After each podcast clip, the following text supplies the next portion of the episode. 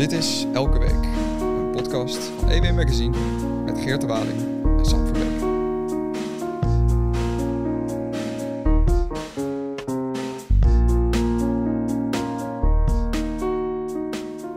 Goedemiddag Geerte. Hi Sam. Zitten we deze keer bij, bij Elke Week. Uh, we, we, zitten hier met, uh, met Geert de Waling en uh, onze politieke redacteur Carla Joosten. Hi Carla. Hallo Sam. Hi. we gaan het nou, laat ik het aan jou vragen, Geert. Waar gaan we het deze week over hebben? Ja, ik, uh, we hebben verschillende thema's op het programma staan. Uh, Julia Rijksman komt straks uh, aan bod, de wethouder Amsterdam die opstapte. Dan is het meteen weer helemaal hoofdstedelijk. Maar we gaan eerst via een om, omzwervingen gaan we nog komen langs Den Haag, waar Ja 21 furoren maakt. Of tenminste, dat is de vraag. Maar daar heeft Carla een uh, mooi artikel over geschreven in EW deze week. En um, we beginnen zo met een verhaal over het platteland. Uh, en het verhaal van Dirk-Jan Epping. Uh, een groot artikel in EW van vorige week. Um, en ja, klein, ik, ik, ik heb daar sinds vandaag enorm goed, goed, goed gevoel bij, bij het platteland. Ja, jij, jij komt net van het, van het platteland teruggereden, ja? Ik, ik heb me net omgekleed. Ik heb net de mestgeur en de geur van dode ganzen van me afgeparfumeerd. Uh, nee, ik, kom, ik was vanochtend stond ik om uh, half zeven al uh, voor dag en dauw in de berijpte velden in de mist met een jager. ik ben namelijk een groter verhaal aan het schrijven over de jacht in Nederland en dan vooral de hobbyjacht. Of ik moet zelf zeggen de schadebestrijding. Um, en in dit geval ging ik mee in de, net boven Wormer in een polder met een jager om ganzen te jagen. En dat was heel fascinerend om dat mee te maken. En ik ben daar een groter verhaal over aan het maken. En ik stel voor dat als het verhaal af is en waarschijnlijk dat we daar dan een aflevering over maken. Okay, heb je nog deelgenomen? Heb je een gans vol hagel geknald? Ik heb, uh, nee, nee, ik heb netjes niet uh, aan het geweer gezeten. Dat was ook niet de bedoeling, geloof ik. Ik heb het niet eens durven vragen. Mag uh, eigenlijk niet, toch? Nee, dat, in Nederland is dat heel streng. In, in Amerika kun je, dat wel, kun je dat wel doen, maar in Amerika is dat heel streng gereguleerd. In Nederland. Um, en wij, ik moet zeggen dat ik het ook wel fijn vond. Het was heel mooi, die, als er een gans overvloog, dan binnen schootsafstand, dan schoot de jager een schot hagel inderdaad. En meestal gelukkig raak. En dan is de tweede keer wel raak. En dan er ging een hele mooie lieve labrador, die ging dan als een malle door het veld en zelfs door sloten heen rennen om het uh, zieltogende beestje op te halen. En mocht hij dan helemaal dood zijn geweest, dan werd hij meteen uit zijn lijden verlost. Ik vond dat allemaal heel keurig gaan. Maar dat is even een voorproefje, daar gaan we het later uitgebreid over hebben. En fascinerend, er zijn 300 uh, WBE's, wildbeheereenheden in Nederland. En uh, er zijn allemaal jagers bij aangesloten. En dat, is, dat is een hele grote subcultuur eigenlijk. Daar moeten we eens een keer wat meer aandacht voor hebben. De positieve en ook de negatieve kanten, zou ik zeggen. Oké, nou, dan gaan we van de, van de, de mistige slootjes het platteland gaan we het hebben over jaar 21. Um, aanleiding oorspronkelijk was natuurlijk een stuk wat jij hebt geschreven, Carla. Uh, maar misschien is het handig als we eerst eventjes terugkomen op um, het essay wat uh, in onze vorige editie van Elsevier in, uh, in het blad stond. Uh, want toen heeft Dirk-Jan Epping heeft, bij ons een, een lang stuk geschreven. Waarom het platteland niet langer zwijgt. Waarom het platteland niet langer zwijgt. Geert, je hebt het ook gelezen. Wat ja. vond je er zelf van? Een lang stuk inderdaad. Uh, ik geloof in het blad zes pagina's. Ik heb het geloof ik inmiddels digitaal gelezen. Uh, echt een long read. Uh, 24 minuten staat erboven. maar het is, ik vond het de moeite waard, omdat het een heel doorvrocht essay is eigenlijk, vind ik, over het platteland.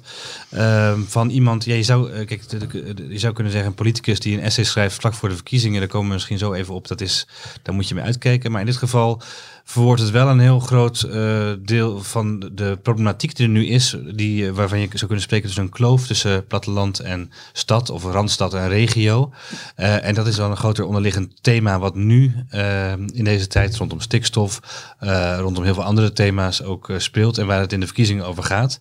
Ik vond dat hij meer voor een politicus, hij is Tweede Kamerlid voor jaar 21. Uh, zit een langere tijd in de politiek, heeft ook in het Europees Parlement gezeten. Vind ik toch dat hij weer zijn oude vak van journalist uh, toch ook weer uh, eer aan doet door wel echt een doorvrocht verhaal te schrijven. Wat natuurlijk ook een, een, een politiek statement bevat.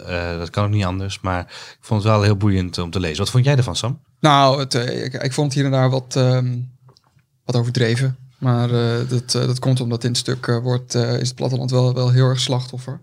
Maar ik, uh, ik ben ook vooral benieuwd naar, naar Dirk-Jan Epping zelf. Want uh, Carla, is, um, is die Epping is die nou een soort geestelijk vader van, van jij 21? De partij is natuurlijk een beetje een weeskind van, van Forum.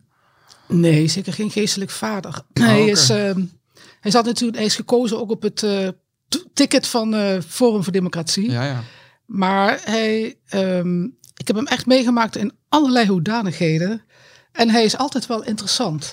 Ik heb zelf ook in Brussel gezeten als correspondent en daar heb ik hem tijdje zo gevolgd, wat hij allemaal daar uitspookte in het uh, Europees Parlement. Toen was hij verkozen voor FVD, hè? want hij zit inmiddels voor jaar in Nee, hij was verkozen zelfs voor een Belgische partij. Oh ja. ja. En inderdaad, uh, later is hij voor Forum gekozen, maar al vrij snel uh, ontspoorde die partij. En toen is ook, net als in de Tweede Kamer, is Forum voor een groot deel verder gegaan als, nou ja, je kunt zeggen, groep Nanninga in de Eerste Kamer, uh, groep Eertmans in de Tweede Kamer en in Brussel weet ik eerlijk gezegd niet wat... Uh, ja, de, Roos, de, Roos, Roos, en Roken geloof ja, ik. Ja, ja, ja. drie mensen hebben ze daar. Ja. En uh, dat, dat heeft nu allemaal de naam Ja 21. Maar over Dirk-Jan Epping gesproken, uitstekend schrijver. Wie zijn boeken nog niet heeft gelezen, bijvoorbeeld over België of over de Europese Unie, die kan ik dat zeker aanraden. En hij, ik heb iets gesignaleerd, kwam ook een beetje door dat essay. Ik wist dat hij met een essay bezig was. Dat, daar heeft hij zich uh, in de kerstvakantie uh, op overgebogen. En toen ik dat hoorde, dacht ik, ja, dat moet natuurlijk gewoon in EW. Daar past zoiets. Hè? Toen ik hoorde dat het ging over platteland versus de stad. Um, wij, wij, wij verschijnen veel in, uh, in de regio ook. We zijn daar populair, om het zo maar te zeggen. Ja. En uh, toen ik later zelf aan het verhaal voor jaar 21 begon, toen dacht ik opeens van, oh, wacht eens even, die Epping, ja, die, die ontpopt zich eigenlijk als een soort partijideoloog voor jaar 21. Dus niet de, de oprichter of zo, maar of de vader, maar de partijideoloog. De geestelijke stiefvader, zeker. Nou, Peetvader. bonusvader. Ja. Uh, maar wat vind jij zelf, uh, Carla? Is het, uh, we hadden daarvoor de uitzending voor deze opname, hadden we Sam en ik wat discussie over. Is het nou slim om een paar weken voor de verkiezingen een partij zoveel aandacht te geven? Dat is wel acht pagina's in het blad. Acht zelfs, ja. Ja, ja. Um, ik weet niet of dit aandacht voor de partij is. Natuurlijk, hij is Kamerlid. De materie is het onderwerp van, van dit tijdsgevricht, van deze campagne ook. Ja. En het is een, van een hoge kwaliteit. Het is goed geschreven. Het gaat niet alleen over Nederland. Het gaat zelfs over dezelfde problematiek in, uh, nou, in Amerika. Ik, ik geloof dat hij zelfs Zuid-Afrika. Ja, uh, platteland, uh, platteland versus de stad, hè? Ja, eigenlijk, ja. ja, ja. Dus dan kun je zeggen van, nou ja, jullie hadden beter een, een stuk van, ik, ik, van de VVD of de PvdA kunnen plaatsen, of helemaal geen stuk van de politicus. Maar in de meeste partijen zitten eh, geen mensen die een gouden pennetje hebben. Nee. En die ook zo treffend weten te schetsen uh, hoe, de problematiek in elkaar zit. Nou wil ik overigens niet zeggen dat ik het overal mee eens ben wat hij zegt. Jij, jij had ook al wat kanttekeningen. Ja, wat, wat zijn jouw kanttekeningen? Nou ja, ik, uh, Sam was dat ja. Jij had, ja. Ik, ik, denk ook, ik denk dat het helemaal niet zo zwart-wit is met die tegenstelling stad-platteland. Ik moet zeggen, ik kom zelf ook uit het, uh, van het platteland in Limburg. En als ik daar terugkom, dan kijk ik altijd mijn ogen uit naar hoe het allemaal vooruit is gegaan sinds ik daar uh, meer dan 30 jaar geleden uh, wegging. De, de, de, huizen zitten strak in de verf. De mensen hebben mooie auto's. Het allemaal dingen die, die op een of andere manier toch nog iets soberder waren dan toen ik er opgroeide. En ik woon zelf al heel lang in Den Haag. En ik kan je vertellen, de tegenstelling intern in Den Haag vind ik eigenlijk groter dan de tegenstelling stad en platteland. Ja, Maar goed, nou heeft uh, uh, Epping heeft het ook over de voorzieningen. En dat ligt toch, toch ook wel weer wat ingewikkelder dan hij schetst. Hij heeft het over hè, openbaar vervoer neemt af. Nou weet ik niet of jullie dat ook wel eens gezien hebben, maar je ziet vaak wel in allerlei regio's, soms zelfs in de stad, lege bussen rondrijden. Uh, met name natuurlijk in de avonturen, maar ook gewoon. Uh, en in heel veel regio's wordt dat ook een beetje opgelost met andersoortig vervoer. Ja. Het, soms is dat ook door de overheid betaald, WM, vanuit de WMO, de ja. wet maatschappelijke ondersteuning. Dit is ook waar, um, want we hebben deze week toevallig op de website hebben we ook een uh, stuk, ingezonden stuk van Lilia Marijnis hebben we staan. En die pleit daar ook voor, over die vervoersbedrijven in de regio. Ja, het is heel logisch dat die grote bussen uh, niet de hele tijd maar gewoon blijven op en neer blijven rijden. Maar dat je daar, nou ja, wat je ook heel veel ziet al in, in het land, uh, regiobusjes noemen ze ze geloof ik in Ja, of een regiotaxi of een streektaxi of belbusjes heb je. Ja, dat, dat, dus jij zegt, jij zegt eigenlijk dat, dat mensen daarover klagen, dat mensen die minder uh, te besteden hebben en die afhankelijk zijn van openbaar vervoer op het platteland best nog wel geholpen worden eigenlijk. Meer nou ja, dan, kijk, meer dan de Epic suggereert. Ik weet natuurlijk niet, eh, dat het is natuurlijk niet overal perfect. En eh, er zullen ook mensen zijn die die wegen niet weten te bewandelen, die niet weten hoe ze aan die regio-taxi moeten komen of iets dergelijks. Maar laat ik zo zeggen, ik, ik, ik moet eerlijk bekennen, ik ben sowieso iemand die de dingen vaak eh, niet zo zwart-wit ziet. Ik, ik, ik zie toch allerlei, allerlei grijstinten in het, in het echte leven. En dat is ook zo met dit onderwerp. Toen ik zelf op reportage was voor een verhaal, ook in het kader van de provinciale statenverkiezingen, was ik in eh Overijssel. En daar vroeg ik ook naar, eh, naar die geluiden, hè, stad, platteland, ook een beetje naar aanleiding van het rapport over de afgehaakten in Nederland, wat ik ook wel, wel ook een heel goed rapport vind. Ehm, Dat maar daar, daar, De Atlas van Afgehaakt Nederland Ja, je, van René ja. En, eh ja. en Josse de Voogd, ja. Eh, daar daar zei, zei zo'n politicus tegen mij van, ja, het is toch ook weer niet zo dat wij ons nou enorm achtergesteld voelen. Het is vaak toch allemaal wat. eh, hè, en het kabinet doet allemaal zijn best om met allemaal miljoenen te strooien naar regio's en zo. Ja, dit is ook, was ook een beetje mijn gevoel toen ik het stuk las hoor. Kijk, ik, misschien moet ik er wel even bij zeggen. Ik ben een jongen die gewoon eh, geboren is in Amsterdam. Dus ik moet ook wel eventjes... Dat is niet zo. Sa- Sam, Sam, hè? Ja, eh, Sam dus Verbeek. dus ik, ik ben me bewust dat ik me ook een beetje moet, eh, moet voorcorrigeren op wellicht mijn eh, hoofdstedelijke arrogantie. Als ik dit soort Mhm. stukken lees. Mhm. Maar eh, in het, wat Epic opschrijft is dat het eh, platteland al eigenlijk al oorspronkelijk jarenlang geen stem heeft. En ook cultureel eigenlijk nooit meteen in opstand komt. En dat daardoor ze nu ontzettend in de problemen zitten. En ja, daardoor denk ik wel van ja, dit is wel, eh, weet je wel, spijker me nou maar aan het kruis. En kijk hoe zwaar ik het allemaal heb. Eh, hij is genuanceerder dan dat hoor. Maar eh, ergens denk ik ook van ja, als je, het niet, als je het niet mee eens bent, dan moet je ook van je afbijten. Dan moet je wel iets laten doorschemeren. Ook dat is democratie.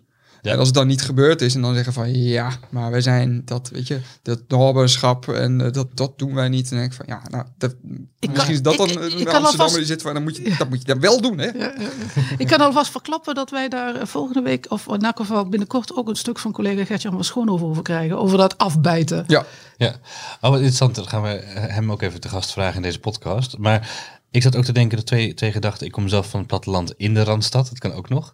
Eh, dus ik kom van de regio en de Randstad tegelijk. Eh, want in Zuid-Holland heb je behoorlijk wat eh, plattelandse regio's tussendoor, tussen de steden door.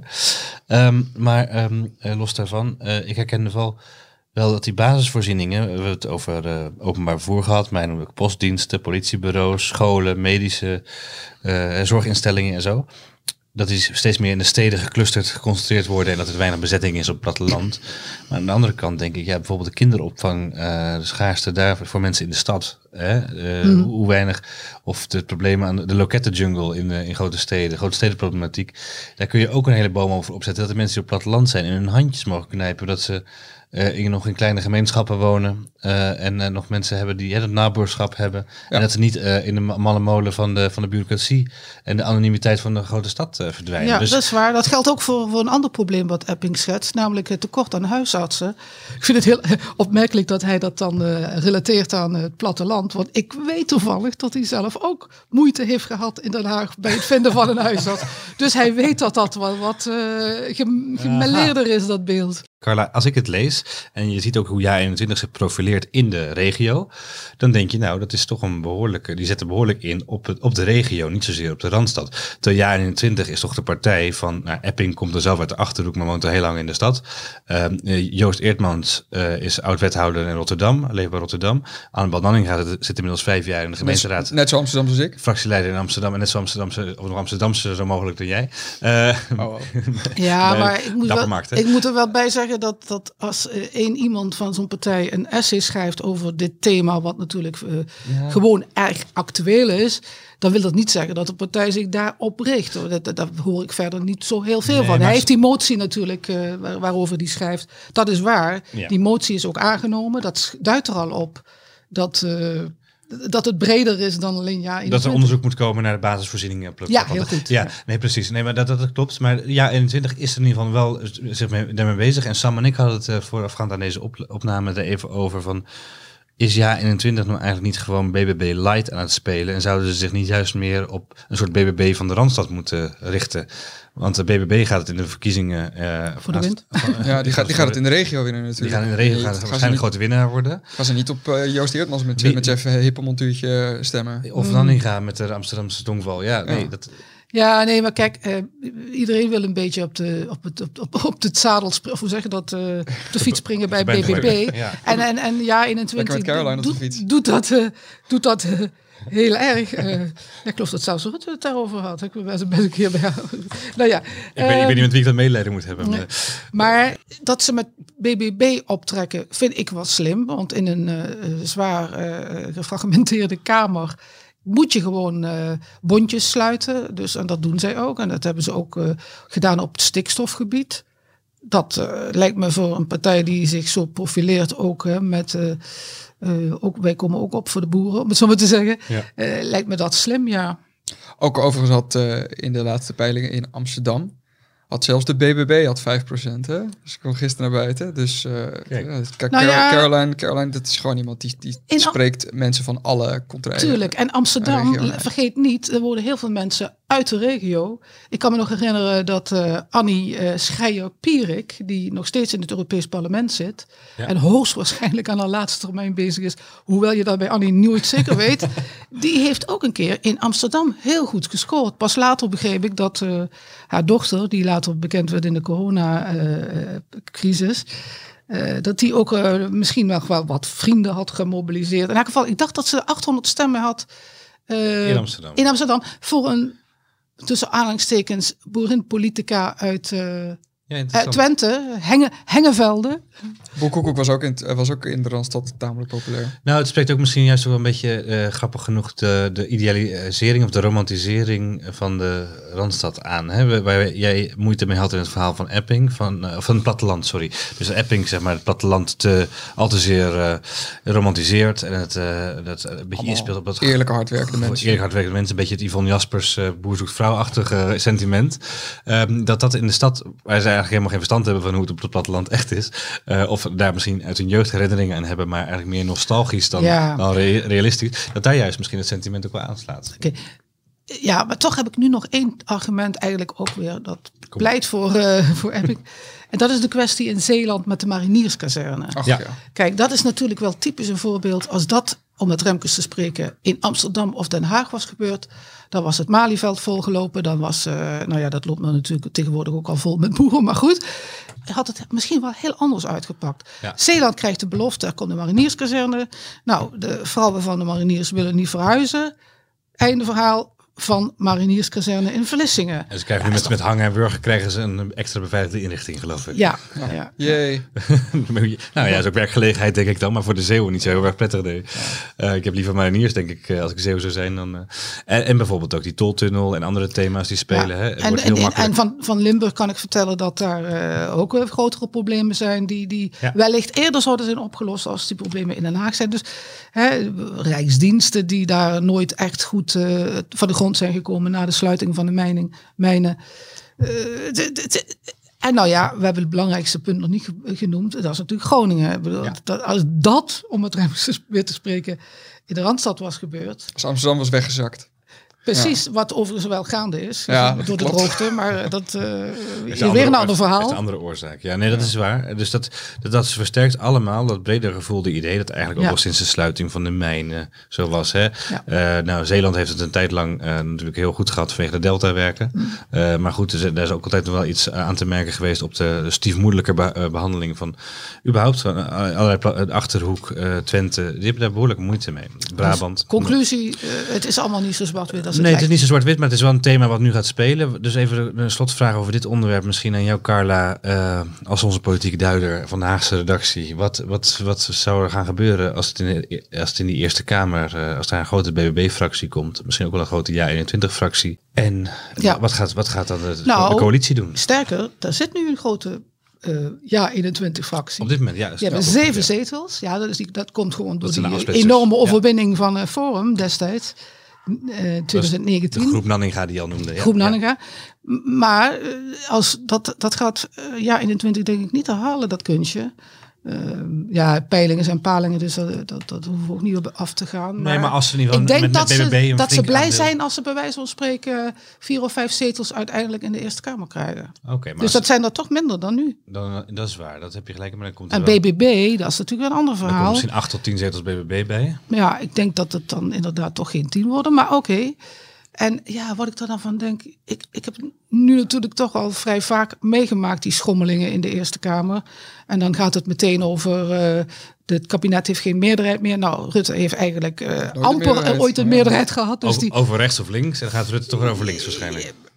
nou, dat weet ik niet. Dat ligt aan de onderwerpen. Dat, eh, hij, eh, ik, heb in een van de elementen in mijn verhaal is eh, de stemming over de koppeling van de AOW aan de verhoging van het minimumloon. Daar wilde ja 21 eh, onder andere dat eh, alle AOW'ers volledig mochten meestijgen zeg maar, met eh, de verho- verhoging van het minimumloon. Ja, eh, terwijl die hele maatregel bedoeld is om werken aantrekkelijker te maken. Nou, we weten allemaal dat AOW'ers niet meer werken. Bovendien weten we dat er ook heel veel AOW'ers zijn met een goed pensioen. En je vraagt je dan af of die dan allemaal moeten mee profiteren van die verhoging. Ik vond het echt overdreven. Ik ben er ook hard op aangevallen door onze rea- reageerders, om het zo maar te zeggen. Dat ik wel niet wist hoe arm AOW'ers waren. Maar dat, toevallig eh, eh, wijzen de cijfers dat niet uit, dat dat geldt voor iedereen. Nee, netto zijn, zijn ze het rijkst. Eh, Precies. En wat is het geval? Ja, 21 s- s- zie ik dan dus heel links opereren. Daarom staat ook boven mijn verhaal niet altijd echt rechts. Ja. Terwijl zij zich afficheren als realistisch rechts. Om Ja. het Epping, de partijideoloog, hiermee eh, voor, gedoopt Ja. eh, te spreken. Ja, dus dat is eigenlijk een beetje dubbel. En dat valt er maar te bezien eh, wat daar eh, precies uitkomt. Zou het, hem- zou het Rutte dan toch wel lukken om daar zomaar heen te laveren? Rutte of het kabinet in, het, in brede eh, zin. om, om die te- tegenstelling heen te laveren. Dan weer over links, Ja, dan ik- weer over rechts. Ik weet niet of je veel rumoer hebt gehoord de afgelopen jaren over dingen in de Eerste Kamer. Volgens mij niet. Niet veel. Je nee. hoorde er eigenlijk bijna nooit wat over. Want als eh, er problemen waren met het halen van een meerderheid in de Eerste Kamer, werd dat eigenlijk al in de Tweede Kamer, zo gaat het altijd, Ja. geregeld. Dus eh, of het nog ging over de energie, hoe heet het ook alweer? Energie- prijs, prijsplafond? Prijsplafond, Ja. nou dat, dat is eigenlijk een idee van eh, GroenLinks en PvdA. Ja. Maar dat is omarmd door iedereen zo ongeveer. Misschien een enkele partij niet, dat daar durf ik mijn hand niet voor in het vuur En te ook in de steken. coronatijd zijn er wel eh, maatregelen genomen. Die Ja, dat- ja, ja, ja, daar zijn we felle debatten over gevoerd trouwens. Maar die liggen toch niet altijd op de as links-rechts volgens mij. We gaan nog eens een keer een aparte aflevering maken over de Eerste Kamer. Maar misschien moeten we dat doen na de Provinciale Statenverkiezingen. Als die ver- verkiezing van de Eerste Kamer er is. En misschien wil je dan ook eh, meepraten, Carla. Want ik ben Tuurlijk. ook benieuwd naar het boek van die Bert van der Braak eh, Ja. over de Eerste Ja. Kamer. Wat, eh, daar hebben we het over gehad. We gaan nog één jaar 21 eh vraagjes stellen. Maar dat heeft te maken met in het stuk wat je geschreven hebt, ga je het ook over Annabel Nanninga. En die is nu de lijstduwer van de Eerste Kamer. Is momenteel ook nog gemeenteraad. nee, nee. nee. Lijsttrekker van de Eerste Kamer. Lijsttrekker van, Lijsttrekker de, van de Eerste Kamer. lijstduwer in Noord-Holland, waar ze nu statenlid is. Ja, ja. En dan is ze verder nog eh raadslid. in eh, Amsterdam. ja, ik dacht altijd dat is eigenlijk vrij veel. Maar, maar zij legde eigenlijk eh, helder uit van ja, maar dat zijn, eigenlijk- dat zijn drie deeltijdbanen. Zo Ja. ga ik, dat, dat moet Ja, en bij de Provinciale Staten had ze al het fractievoorzitterschap opgegeven. En dat, eh, Precies. we Zij wees me erop van zelfs de rector magnificus uit Rotterdam Ja. is Eerste Kamerlid. Dat dus overigens, Ja. de- Nanninga die, eh, die gaat dan nu dus in de Eerste Kamer gaat ze, gaat ze door. Ja, En- dat wil ze graag. Ja. Dat wil ze graag. En jij hebt haar ook gevraagd of ze op een gegeven moment interesse heeft in de Tweede Kamer. Eh, leuke side note, Annabel Nanninga, ook autojournalist, net als Epping. Ja. Dus ik, ik weet dat ze goed is voor een, voor een one-liner, eh, maar vooral, eh je kan ook met een kwinkslag kan ze schrijven. Ehm, maar ehm, ik heb eigenlijk het vermoeden dat zij, als ze straks de Tweede Kamerverkiezingen krijgen, dan gaat zij gaat dat toch gewoon doen. Dat kan je nu niet zeggen als je Nee, mijn verwachting is wel dat, eh, Ja, dat we haar nog op dat andere podium in Den Haag Ja. zullen zien. Maar dat kan even duren, want ze is nog lang niet oud. Ze is nog eh, jonge moeder. Hè. Ze was al moeder op eh, 19e, maar op eh, 42, als ik het goed heb uitgerekend, heeft ze nog een baby gekregen. Nou, dat vind ik toch voor een vrouw vrij bijzonder. Hè. Ik bedoel, tweede leg, die eh, uitdrukking kennen we vooral van mannen. En ze werkte er niet minder hard om, heb ik het idee. Hè? Nee, nee, nee, nee. nee. Ik, ik, ik, vind- ik, ik vind dat wel een intrigerende En persoonlijkheid. hij, heeft ook twee, heeft ook twee volwassen dochters die dan weer voor het kind kunnen zorgen. Dat Oh, dat weer. lijkt me toch hartstikke handig, ja.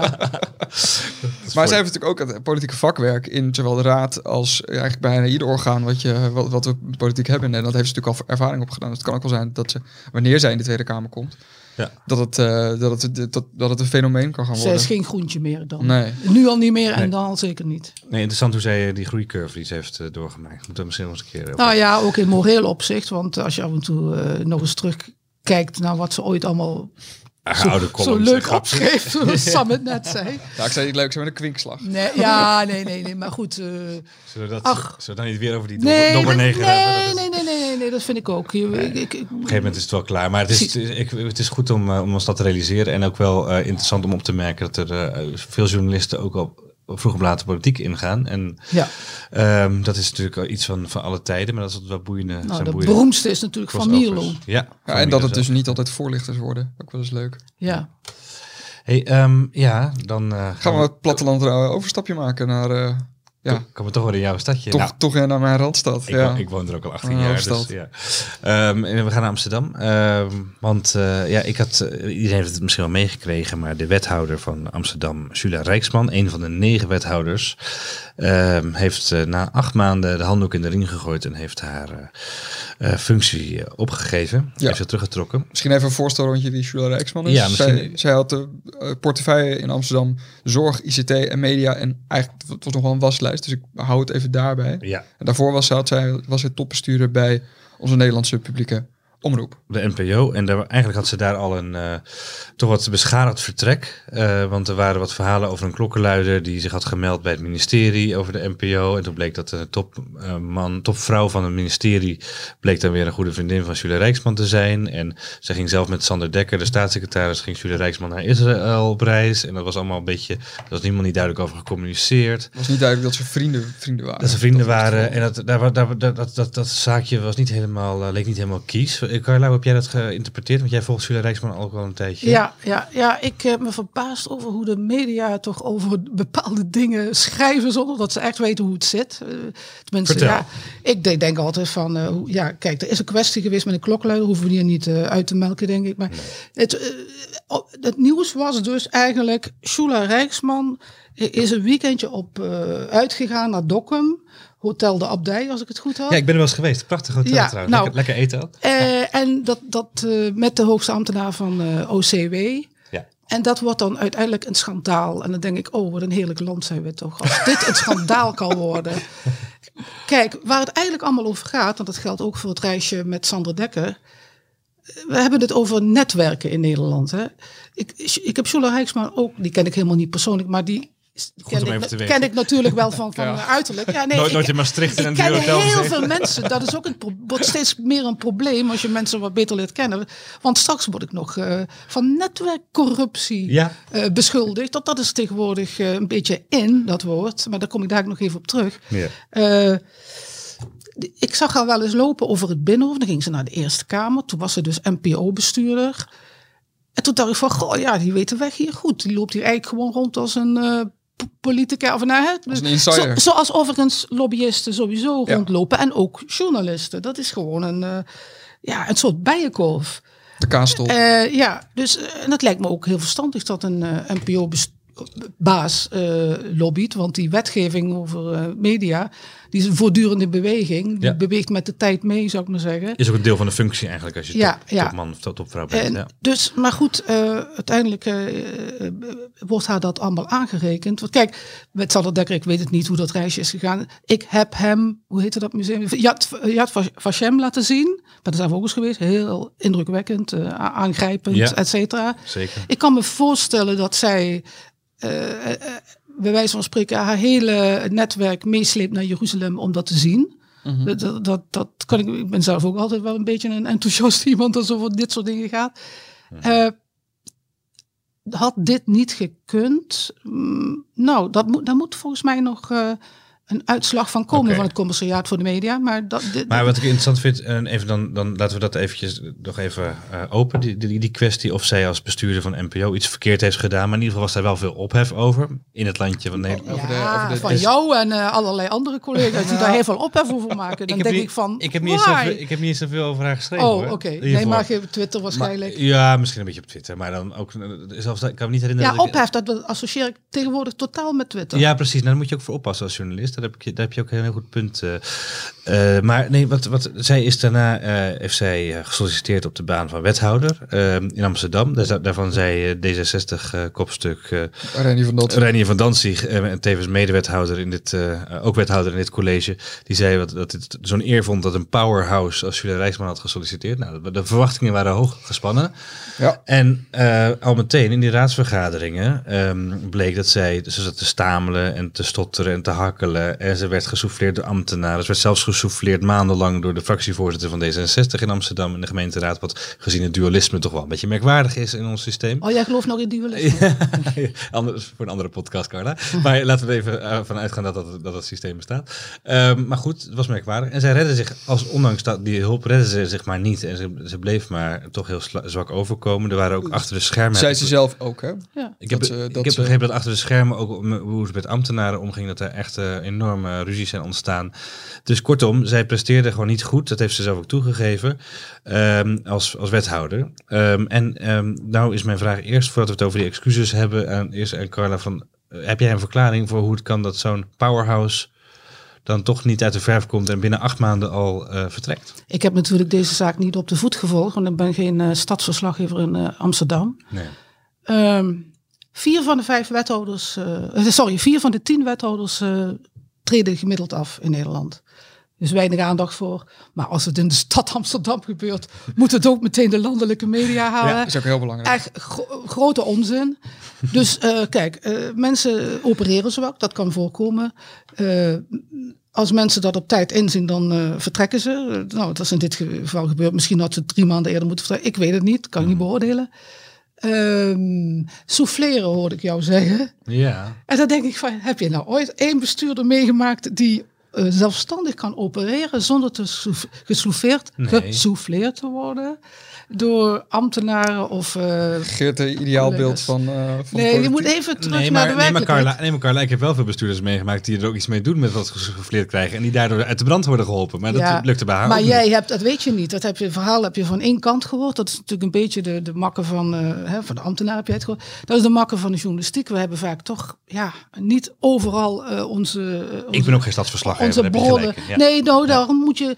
Daarom, ik, ik pleit altijd voor voorzichtigheid bij dit soort zaken. Want je weet er eigenlijk helemaal niks van hoe het zit. Hè, er zijn, is misschien in dit geval uh, dat de stadsredactie van de Parool, CQ, Telegraaf uh, hi, hi, zich hier nou ja, opgeworpen heeft. maar goede stukken de stukken die ik gelezen heb, die, nou, ik, ik, ik nou, ja. er, was, er, was, er was na haar eerste jaar, is er graag gevraagd om zichzelf een rapportcijfer te geven. En toen gaf ze zichzelf een 6. En daarbij had ze toen gezegd van ja, ik vind het uh, toch nog heel, mo heel moeilijk. En uh, er zijn, ik kom ook nog dagelijks tegen dat uh, de talloze zorgdiensten, dat ik die niet allemaal ken. Um, en nu zijn we... Dat kan ik me voorstellen. Ja, dat kan ik me ook voorstellen hoor. Maar uh, kijk, het, die van Danzig had haar natuurlijk misschien ook niet zo moeten ophemelen. Want daardoor wordt de druk wat groter. Ja. En, het, en, en waar het moeilijk ging, werd het niet beter. Alleen nu komen we eigenlijk tot de crux van jouw verhaal, Geert. Ja. Namelijk dat het nu is opgestapt. En misschien heb jij uh, de, de, de, motivatie die ze daarbij had ja. nog even voorhanden. Jazeker, nou, daar ging mijn, mijn column van deze week in EW vooral over hoor. Dus niet zozeer over de kwestie, uh, maar meer dat ik me dan erger dat, en ik noemde ook nog een ander voorbeeld van die Suzanne Kreuger, misschien dat we het zo nog even noemen, van GroenLinks Kamerlid. maar dat ik dus vond dat de manier hoe zij afscheid neemt, dat het dan weer een beetje dubbelzinnig is. Of ze zegt dan in haar afscheidsbrief dat ze met veel energie is begonnen, ik citeer, en dat ze zeer gemotiveerd was om bij te dragen aan het welzijn van de Amsterdammers. Nou, prachtig. Um, uh, maar dat ze na acht maanden ontdekte dat, citaat, er onvoldoende ruimte is om de dingen te doen op een manier die effectief is en die aansluit bij wie ik ben en wil zijn. Einde citaat. En ze zegt ook, in de praktijk ben ik, ben ik te vaak onderwerp van gesprek. Ze geeft ze ook toe. Maar in die brief staat nergens van... ik heb gewoon een verkeerde beslissing gemaakt. Ik heb het gewoon niet goed gedaan. Het spijt me enorm. Um, uh, misrekening geweest. Uh, een fout. Uh, ik, er, wordt, er wordt gedaan alsof zij niet in staat is geweest... In, in staat is gesteld eigenlijk ook door haar omgeving om het beste uit zichzelf te halen op die functie.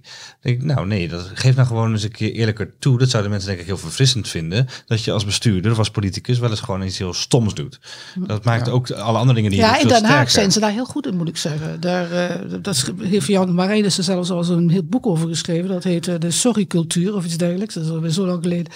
En dus in Den Haag is het heel normaal om de hele tijd sorry te zeggen. Ja, maar sorry Rutte, zeggen. die, eh, Ja, ja, dat- sorry dat- voor de ophef. Dat, eh, Precies. Dat, Dat, dat, dat, verkapte excuses. als iemand zich gekwetst voelt door wat ik heb gedaan, dan spijt mij dat. Hè? Dat is iets anders zeggen dan sorry dat ik nee, het soms heb maar er wordt ook wel gezegd, ik heb het verkeerd, eh, verkeerd besluit genomen. Maar goed, daar heb ik nog geen voorbeeld van, dus dat kan ik niet ja, Rutte kan het erg goed. Rutte kan het heel goed, is, maar is, Rutte- is meesterlijk in. Maar je doet het zo goed dat je, dat je op een gegeven Dat, moment... dat vind je ook weer niet goed, hè? Als Nee. iemand het te vaak doet. Dus ja, ik ben niet zelf tevreden, Carla, dat nee, is waar. ik- kijk, ik bedoel, het is best wel makkelijk om als journalist, eh, eh, maar tegen de mensen die het allemaal maar moeten doen, eh, aan te schoppen. Ja.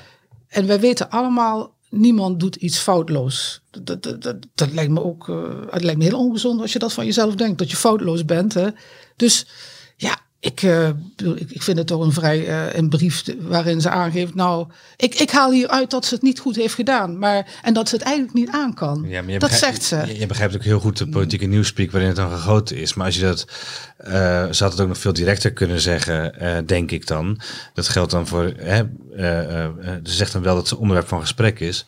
Eh, ja, dat klopt, omdat er gewoon allerlei eh, zaken eh, niet goed gegaan zijn. En dan heb ik het niet eens over de NPO-fase waar we net over hebben gehad. Laten we dat even buiten beschouwing laten. Ja. Maar gewoon dat zij in die raad zo aan het stuntelen was. Eh, dat zag er echt niet goed uit. Ik heb wei- weinig pijnlijker momenten meegemaakt in de Amsterdamse gemeente. Nee, ik las één interessant detail. Dat zij, dat het haar, werd kwalijk genomen dat ze op een kauwgum zat te kauwen in een debat. Ja, dat, En dat toen is schreef de collega van Ja. de- eh, onze collega van de Telegraaf, die schrijft heel netjes overigens dat dat kwam omdat ze geen speeksel meer aanmaakt, omdat ze kanker heeft gehad. Ja, nou, nee, dat klopt. en kijk, maar ik bedoel, voordat je het weet, word je daar al op aangevallen. Hè? Nee. En dan, eh, Dat klopt. Dat had Geert Dales ook aanvankelijk opgeschreven in zijn kritische stuk op de website, eh, op zijn eigen website. En dat heeft hij ook verwijderd, omdat dat uiteindelijk inderdaad te Ja. maken had met haar ziekte. dus ja, dat is maar een voorbeeldje van, van al die dingen. Maar Kwaadsprekerij Ik- is natuurlijk overal. hè? ik weet niet of die andere acht wethouders, of hoeveel hebben we er? Ja, we hebben er nog acht over. Ja, ja, of die allemaal zo goed functioneren. Maar misschien dat die iets minder aan, eh, aandacht trekken dan een mevrouw van D66 die ook nog Powerhouse werd genoemd toen ze aantrad. Ja, en die ook nog een onderdeel van eh, discussie is geweest met, met een paar zaken waar... Zij is misschien ook een beetje afle af, een bliksemafleider of, of, of deelt mee in wat de Kaag ook ik, overkomt. hè? ik weet, eh, ja, er is in Nederland iets aan de hand dat kennelijk D66 gezien wordt als het grote kwaad van het land. Nou, en vooral uitgesproken vrouwen die een wat cosmopolitisch, eh, je zou het kunnen zeggen, regio-vreemde uitstraling hebben. Ja, Eh, sommigen zouden zeggen wereldvreemde uitstraling hebben, maar die Regio vreemd. hè, Dat vind ik al misschien juist re- wereldwijs, maar regio-vreemd. Eh, en dat, dat geldt natuurlijk voor Kaag en dat geldt ook voor die, voor die topbestuurders als Rijksman wel. Eh, dan, dan- vang je opeens wel heel veel wind. En Carla, ik denk, vermoed zomaar, eh, omdat we elkaar een beetje kennen, dat jij ook daar eh, iets wat een, een seksistische argumentatie achter Ja, ik vind dat moet je niet te snel zeggen. Maar ik zou je zeggen dat ik al wekenlang aan dubben ben. Hoe, hoe is dit toch mogelijk in dit land? Dat alle agressie zich richt. op Sigrid Kaag. Ja, dat, en daar kan je, kan je van alles voor, voor verzinnen. D66 heeft ook wel een beetje een, een uitstraling van wij weten hoe het eh, allemaal beter moet. Ja. Maar goed, ik herinner mezelf nog hoe de PvdA in het verleden... eh, hè, de PvdA nog steeds. GroenLinks, eh, noem maar op. Ik, ik, ik, vind veel, ik vind het bijvoorbeeld zelf veel interessanter dat de, bepaalde partijen decennia lang defensie hebben bestreden, zeg maar. Hè. Voor, voor ontwapening. En oh, Ja. oh, oh, Ja. ze wisten allemaal de vrede dit en de vrede dat. En look, kijk waar we nu zijn. Eén oorlog in Oekraïne en Het is, ik, ik, daar zit ik ook een beetje van te bekomen. Ja. Hè, de de, de minister van Defensie van, eh, van D66, die, die als een eh, wa- warrior eh tekeer gaat. Overigens, volgens mij doet hij het heel goed. Daar hoor je ook niemand over. Hè? Als, als iemand het goed doet, dan hoor je dat niet in de politiek. Dat is een ondankbare hondenbaan natuurlijk. Maar dus, dus misschien als er een voedselschaarste ontstaat, dat Cheer te groot opeens eh, pro- pro-boeren zal zijn. Op de ja, barricade ja, voor de ja. boeren in dat verband eh, eh, ontdek, zag ik deze week dat, dat, je ook, dat je dit soort dingen ook veel slimmer kunt zeggen. Namelijk de Partij voor de Dieren. Die, hadden, die hebben hun verkiezingsprogramma, of in elk geval hun inzet voor deze campagne vorige week bekendgemaakt. En die zeggen meer boeren, minder dieren. En dat vind ik echt zo slim om het zo aan te vliegen. Ah, ja. Meer boeren. Ik bedoel, hè, terwijl heel het land het heeft over de boeren worden kapot gemaakt en moeten minder boeren. Ver- verbaasde mij ook ja, dat ze daarmee kwamen. Want ze, zullen- zij zeggen natuurlijk eigenlijk eh, meer kleinschalige boeren. Ja. eh, natuurbewust, duurzaam, kringloop, et cetera. Ja. En dat, eh, op zich is dat een heel interessant punt. Alleen heb ik wel begrepen van mensen die daar verstand van hebben, zoals Hidde Boersma en zo, dat eigenlijk als je goede veeteelt wilt voor de natuur, dan, en ook voor de mens, dan moet je intensieve veeteelt hebben op een kleine schalige, kleine oppervlakte. En niet kleine boerderijtjes uitgespreid. Mm. Want ja, maar je moet natuurlijk niet zo'n slogan helemaal met feiten Nee, want dan krijg, je nog meer, dan krijg je nog meer zoonozen. Hè? Dan, dan nieuwe pandemieën misschien. Nou, hij zegt juist dat hij problemen krijgt met al die kleine landbouw. Ja, ja, ja, nee, dat bedoel ik ook. Als die kippen allemaal buiten lopen en zo. maar goed, ja, uh, nee, dat is dan, inderdaad, het, het, is ook allemaal zo ingewikkeld natuurlijk. Wel beter dan D66. Wat is het weer? Stop de stilstand met z'n allen vooruit of zo. Stop de stilstand, stem voor vooruitgang. Stem voor vooruitgang. Wat een hele mooie alliteratie was. Uh, dus op zich zijn de slogans weer goed bedacht dit jaar. Maar het is, uh, ja, het is.